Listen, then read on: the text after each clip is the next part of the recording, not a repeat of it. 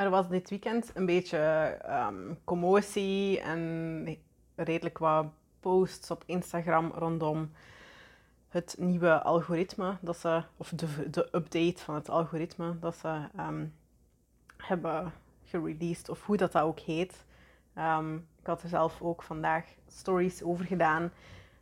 en vooral over het feit dat Instagram video prioritiseert over um, statisch beeld. En nou, heel veel mensen, uiteraard, net eigenlijk ik ook wel een beetje, vinden dat jammer, houden juist van de rust van, het, uh, van gewone foto's versus de, ik noem het even, hyperactiviteit van flashy reels. Um, en ook al is er niks tegen op reels, Um, dat leidt tot heel veel frustratie, uiteraard, bij mensen die zich verplicht voelen om reels te maken, omdat ze anders um, geen nieuwe volgers erbij krijgen en geen verkeer krijgen naar hun account. En iedereen die Instagram probeert te gebruiken om iets te verkopen, uh, maar die het niet leuk vindt om reels te maken, die heeft in theorie, in principe, whatever, een probleem. Um, Goed, ik heb daar uiteraard een mening over. Ik vind dat dat geen probleem hoeft te zijn. Ik vind dat hoe sneller dat we allemaal plooien voor het algoritme, hoe sneller dat het ook een feit wordt. Um, en dat, ik geloof er heilig in dat als mensen blijven doen wat dat ze het liefste doen um, en waar dat hun plezier naartoe gaat, dat dat ook is wanneer je mensen aantrekt, reels of geen reels. Um, ja, dus dat is hoe dat ik daarnaar kijk. En doordat ik daar vandaag over aan het nadenken was, moest ik ineens terugdenken aan het begin van mijn online creatieve, ja, hoe noem ik het? De eerste stapjes van ehm, mijn creatieve ondernemerschap. Ik zal het zo, zo noemen. Avant la lettre. Um, en dat was in 2007. Ik was toen uiteraard al een paar jaar online. ik denk dat wij thuis internet kregen in, god, ik weet het niet meer, maar zeker nog wel een stukje eerder. In 2007 zat ik aan de universiteit, in het eerste jaar denk ik, of tweede jaar van mijn opleiding archeologie. En voordat ik begon met studeren, ehm, had ik in de middelbare school een creatieve uh, richting gevolgd. En aan de universiteit miste ik de creativiteit. Dus ik ging op zoek naar een andere creatieve uitlaatklep. En ik opende een winkeltje op Etsy. En voor wie Etsy niet kent, ik bedoel, bestaat nog steeds. maar er is iets minder commotie rond, denk ik. Of heb ik zelf de indruk dan um, pakweg tien jaar geleden. En um, Etsy is een online marktplaats, een beetje zoals Marktplaats, voor creatievelingen. Um, of eBay, voor creatievelingen die hun zelfgemaakte creaties, allerhande soorten dingen, um, digitaal, um, digitaal artwork, maar ook, I don't know, borduurwerk, juwelen, kleding, van alles en nog wat te koop willen aanbieden aan een internationaal publiek. En goed, ik opende daar dus een winkel met een beetje een mix van dingen, tekeningen, um, schilderijtjes, juweeltjes, van alles. Allemaal dingen die ik zelf gemaakt had. Ehm, en toen ik dus mijn shop opende op Etsy, waren er, Etsy bestond denk ik misschien een jaar of zo, en er waren toen iets van een 1500 shop-eigenaars, denk ik. Als ik het mij goed herinner. In elk geval minder dan 2000. Dus in vergelijking met uh, het aantal verkopers, mensen die iets willen verkopen op Instagram nu, um, is dat natuurlijk een belachelijk laag aantal. En ik moest daaraan denken omdat we de neiging hebben om terug te denken aan Instagram in 2014, 2015 En te denken van, ah, toen, was ik toen maar ondernemer geweest, dan had ik zo makkelijk ehm, kunnen opvallen. Want ik had maar, um, ik had maar 1499 mensen om mee te, om competitie mee te, um, die mijn competitie vormen. En het, zou, het was zoveel makkelijker om toen op te vallen, want er waren zoveel minder gebruikers en ladidadida. En ik moest daaraan denken, omdat hoewel ik de beginjaren van Instagram nooit meegemaakt heb um, als ondernemer, ik ben sowieso laat ingestapt met Instagram. Ik werkte toen fulltime aan de universiteit, dus um, ik was met andere dingen bezig. Maar back to the Etsy days. Um, toen ik daar dus actief op was, in 2007 tot 2009 denk ik, waren er rond in, in het begin minder dan 2000 gebruikers of verkopers en daarna waarschijnlijk net iets meer. Hoeveel het er nu zijn, geen idee. Maar ook al was het die beginfase van Etsy en ook al was er relatief weinig competitie, um, het was toen ook al helemaal niet vanzelfsprekend om zomaar op te vallen. Om zomaar succesvol te zijn, tussen aanhalingstekens, op uh, dat platform. En tijd, ik weet niet of dat nu zo is, alles wat ik vertel was toenertijd, oké. Okay. um, ik heb al een hele poos niet meer uh, achter de schermen van Etsy gekeken. Um, dus toen waren er uh, forums thematisch. Er waren forums over ja, waar mensen tips konden uitwisselen over um, praktische shopdingen. Um, maar ook geografische um, forums. Er was, waren teams, een team uh, Europa, een team uh, Azië, I don't know. Er waren teams voor elke state in Amerika. ik denk dat dat later ook opgesplitst is naar teams voor verschillende landen binnen Europa. Maar toen ik daar dus was, waren er niet eens genoeg Europese creators om per land een los team uh, te maken. Dus dat was echt way back in the beginning. beginning. Um, en ik herinner mij nog levendig, ik zat in dat team, Team Europe. Ik was een deeltje van de, tussen aanhalingstekens, denktank, die um, meedacht over hoe gaan we creatief um, dit in Europa meer onder de aandacht brengen, zodat er meer Europese kopers, et cetera, et cetera, bladibladibla. Maar een van de thema's die binnen Team Europe ook heel veel naar voren kwam, was dezelfde, waren dezelfde thema's waar we nu als creatieve ondernemers op Instagram ook mee worstelen. Consistentie. Wat is de juiste consistentie?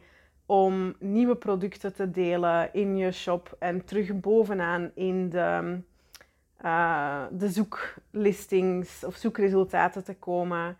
Ehm, hoeveel producten moet je per week of per dag posten? En iedereen had daar een andere mening over.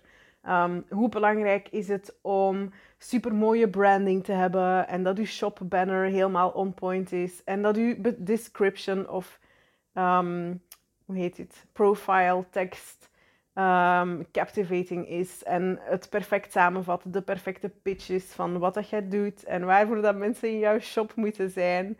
Um, wat is de beste manier om je product descriptions te maken?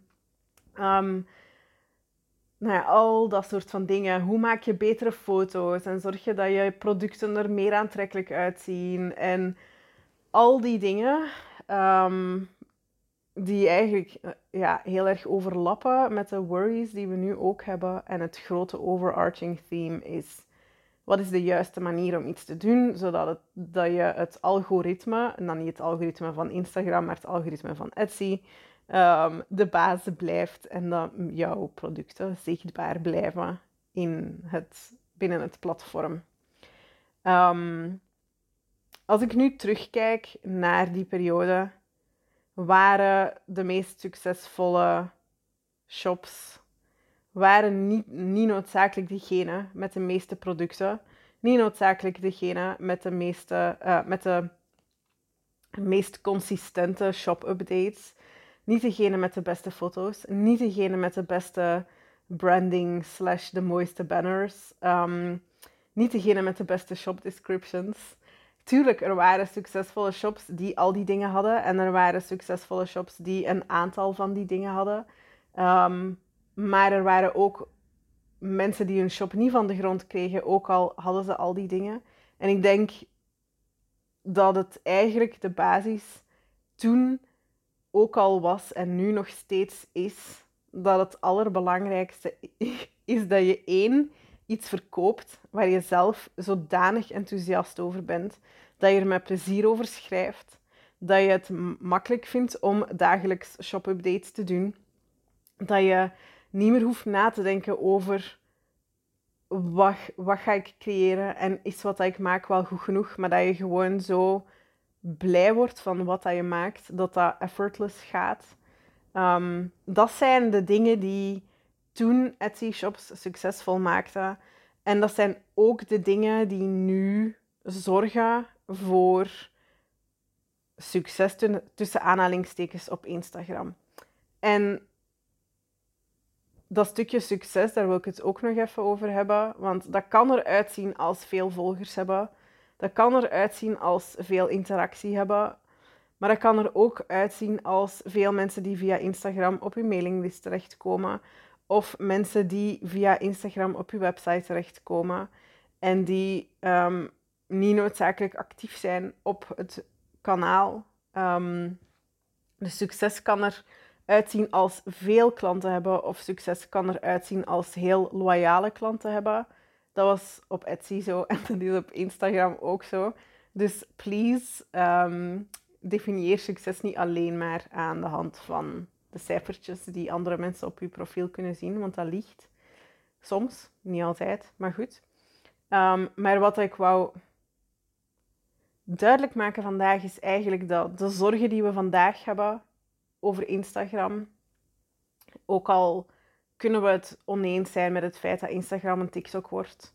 Um, of juist niet. Uh, maar dat de zorgen die we hebben over zichtbaar zijn en opvallen, dat die helemaal niet nieuw zijn. Dat die er toen ook al waren in 2007, way back, voordat sommige van jullie um, uit luiers waren, I guess. Ik weet eigenlijk niet zo goed wat de gemiddelde leeftijd van mijn luisteraars is, maar ik weet dat een aantal van jullie in elk geval een stuk jonger zijn dan ik.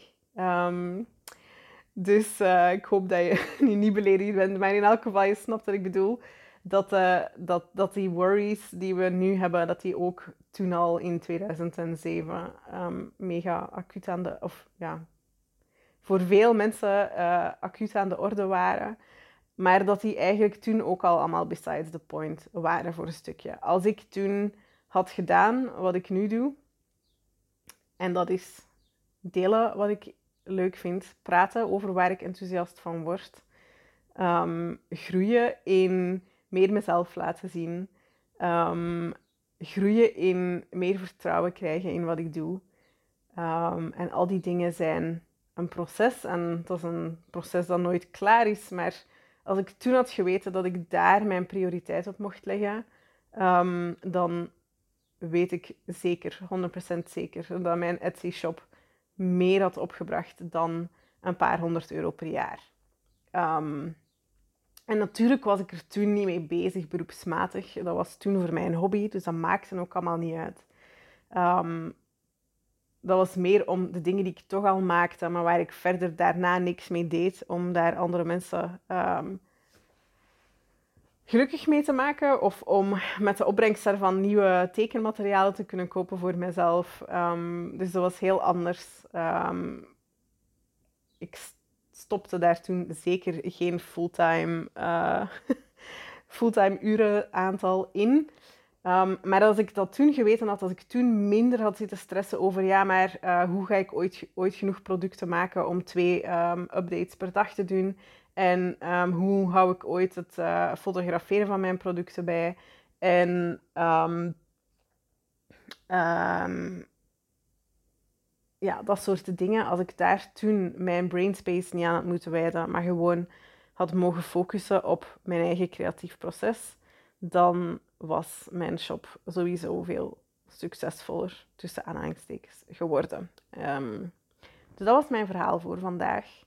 Uh, omdat ik denk dat het belangrijk is om dit soort dingen ook in een breder perspectief te zien. En ook misschien zelfs wel voor een stukje om je eraan te herinneren dat Instagram niet de hele wereld is. Dat online selling platforms en social media platforms komen en gaan. Dat er altijd nieuwe dingen gaan komen. En dat ja, als je toevallig at the right time, at the right place, in the right um, mindset. Maar ik dus dek niet helemaal de lading van wat ik wil zeggen. Um, maar je snapt wat ik bedoel. Bent, als die dingen allemaal alignen, dan ja, kan het zijn dat het makkelijker is om succesvol te worden. Ja, voor sommige mensen was het makkelijker om in 2014 succesvol te worden op Instagram en daar um, massa's klanten en volgers en geld, et cetera. Alle dingen die we allemaal graag zouden willen uit te halen. Ja, maar het is onzin om te denken dat het enkel alleen maar is een kwestie van at the right time en at the right place ergens zijn. Want een heel groot deel van, um, van de equation zit hem in het derde stukje dat we dikwijls vergeten. En dat is zelf in een mental space zijn waar we ruimte, onszelf ruimte geven om te doen waar we blij van worden en waar we goed in zijn. Oké, dat was het voor vandaag. Dat stukje ehm, zelfvertrouwen vinden om gewoon je eigen ding te doen, los van alle algoritmes en regeltjes en de juiste dingen om te doen. En um, het stukje erachter komen wat dat nu eigenlijk echt is, dat je super blij maakt. Wat dat verschil is tussen um, iets doen omdat het uh, een moedje is, omdat het, zou, omdat het zo hoort, omdat het zou moeten, versus um, van een tussen aanhalingstekens noodzakelijk kwaad iets maken dat super leuk is voor u en waar je met super veel enthousiasme aan werkt. Uh, en welke dingen dat, dat zijn en welke dingen dat dat niet zijn. Um, dat is iets waar dat ik met mijn uh, één op één coaches aan werk in de zes maanden um, dat ik met hen uh, Flourish and Flow, mijn één op één traject, doorloop. En um, ja, dat is een van de thema's die doorheen die zes maanden blijft terugkomen. Want dit is een proces en dat is niet iets wat je op een gegeven moment in het begin van dat traject even beslist in één uurtje. Maar iets waar je gewoon doorlopend aan blijft werken en bijschaven en tweaken en ontdekken en uitproberen en experimenteren.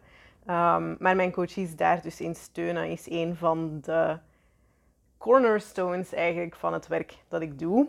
Um, dus als jij het ook leuk zou vinden of fijn zou vinden om daar iemand uh, bij te hebben die aan jouw zijde staat en uh, daar samen met jou aan werkt en jouw tools en energie en moed en een stukje toestemming geeft om, uh, om gewoon echt je eigen ding te gaan doen, dan um, is er op dit moment plek voor jou in Flourish and Flow. Ik heb uh, twee plekjes die uh, net vrijgekomen zijn, die nog ingevuld kunnen worden. Dus um, voel jij de aantrekkingskracht daarvan, stuur mij gerust een berichtje of klik op de link in de beschrijving van deze podcastaflevering om een uh, discovery call in te plannen en te kijken of Flourish and Flow iets voor jou zou kunnen zijn. Oké, dat was het. Um, ook alle boodschapjes van algemeen nut heb ik intussen gehad. Dus ik hoor jou later weer. Of jij hoort mij later weer. Oké, salutjes!